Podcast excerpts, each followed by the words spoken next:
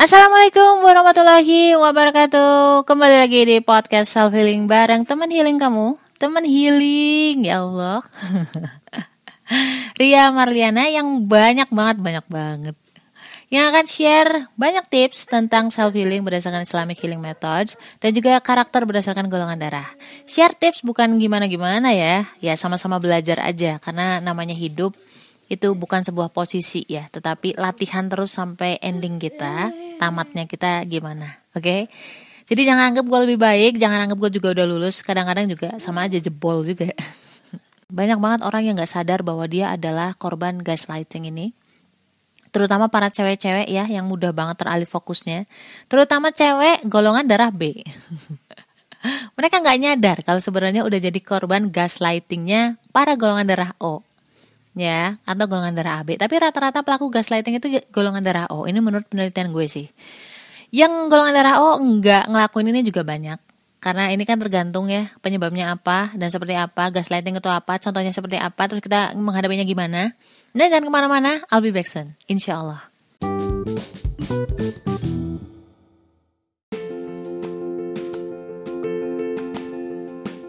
Pengen naklukin diri sendiri atau pengen naklukin hati golongan darah B, wajib banget baca. Jangan deketin golongan darah B sebelum miliki buku Beauty in Abyss ini tenang aja karena bahasanya tuh bukan yang ilmiah-ilmiah banget. Ada cerita, ada narasi tapi nggak sepanjang novel-novel drama atau sastra.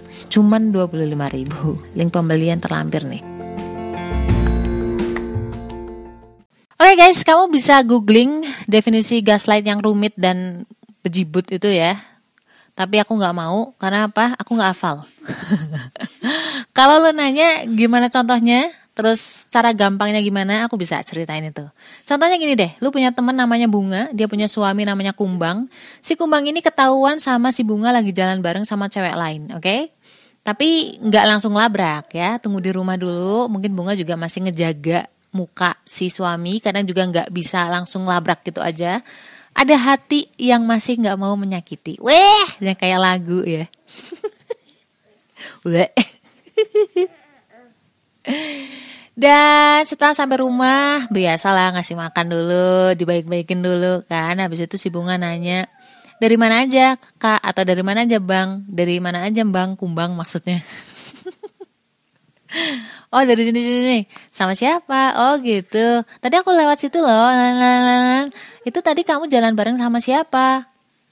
Cewek itu siapa? Bla bla bla bla bla gitulah ya intinya mempertanyakan siapa sih cewek yang tadi jalan bareng sama Allah gitu kan bukannya ngejawab si kumbang itu malah mentak-mentak ya marah-marah balik kenapa kamu nuduh aku ah bentar-bentar kayaknya kurang-kurang ini ya kurang dijeda jadi setelah ditanya si kumbang kayak naik pitam. Kenapa? Lu nuduh gue? Apalagi ya gue nggak pinter gaslighting jadi kan harus mikir ya. Selama ini tuh kamu tahu aku nggak ngapa-ngapain kan? Aku nggak suka ya dituduh-tuduh. Jangan kayak gini lagi. Kayak gitu.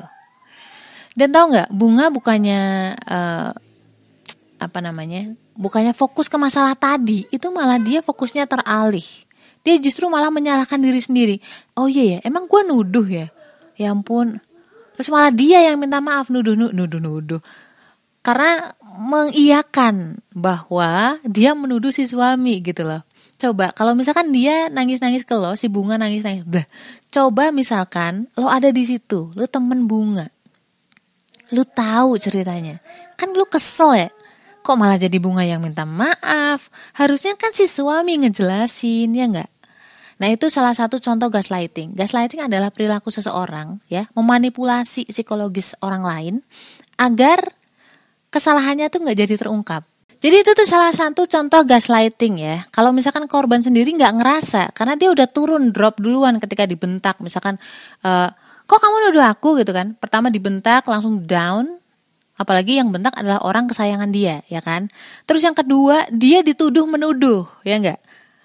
Dia kayak merasa bersalah. Emang iya ya aku menuduh? Padahal kan enggak ya. Kalau misalkan kita di luar sistem ya memang ya nggak nuduh dia kan cuma nanya dan itu haknya dia bertanya dan haknya dia juga mendapatkan penjelasan dari suaminya yang harusnya bolanya ada di si suami si kumbang justru sekarang bolanya ada di si bunga seolah-olah bunga nuduh-nuduh kumbang, ya enggak?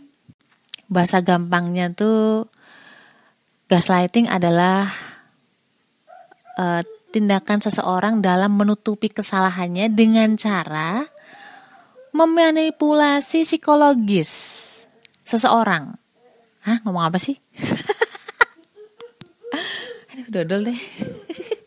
Jadi mudahnya, gaslighting adalah tindakan seseorang untuk menutupi kesalahannya dengan cara memanipulasi psikologis korbannya agar fokus kesalahan bukannya ke dia tetapi ke korban dengan cara ya tadi membalik-balikan kata, membalik-balikan fakta dan lain sebagainya. Dan jangan heran, jangan sedih karena hal ini nggak cuma terjadi di relationship doang, tapi juga terjadi di ranah kerjaan.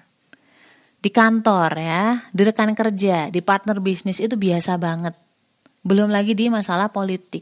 Banyak sekali uh, terjadi hal-hal seperti ini tapi nggak terlihat ya karena kan tindakannya implisit gitu kan. Kadang-kadang ada orang uh, korupsi gitu ya diingetin sama temennya. Kamu jangan kayak gitu itu nggak bener nanti kalau kamu masih terusin aku laporin ke bos terpaksa.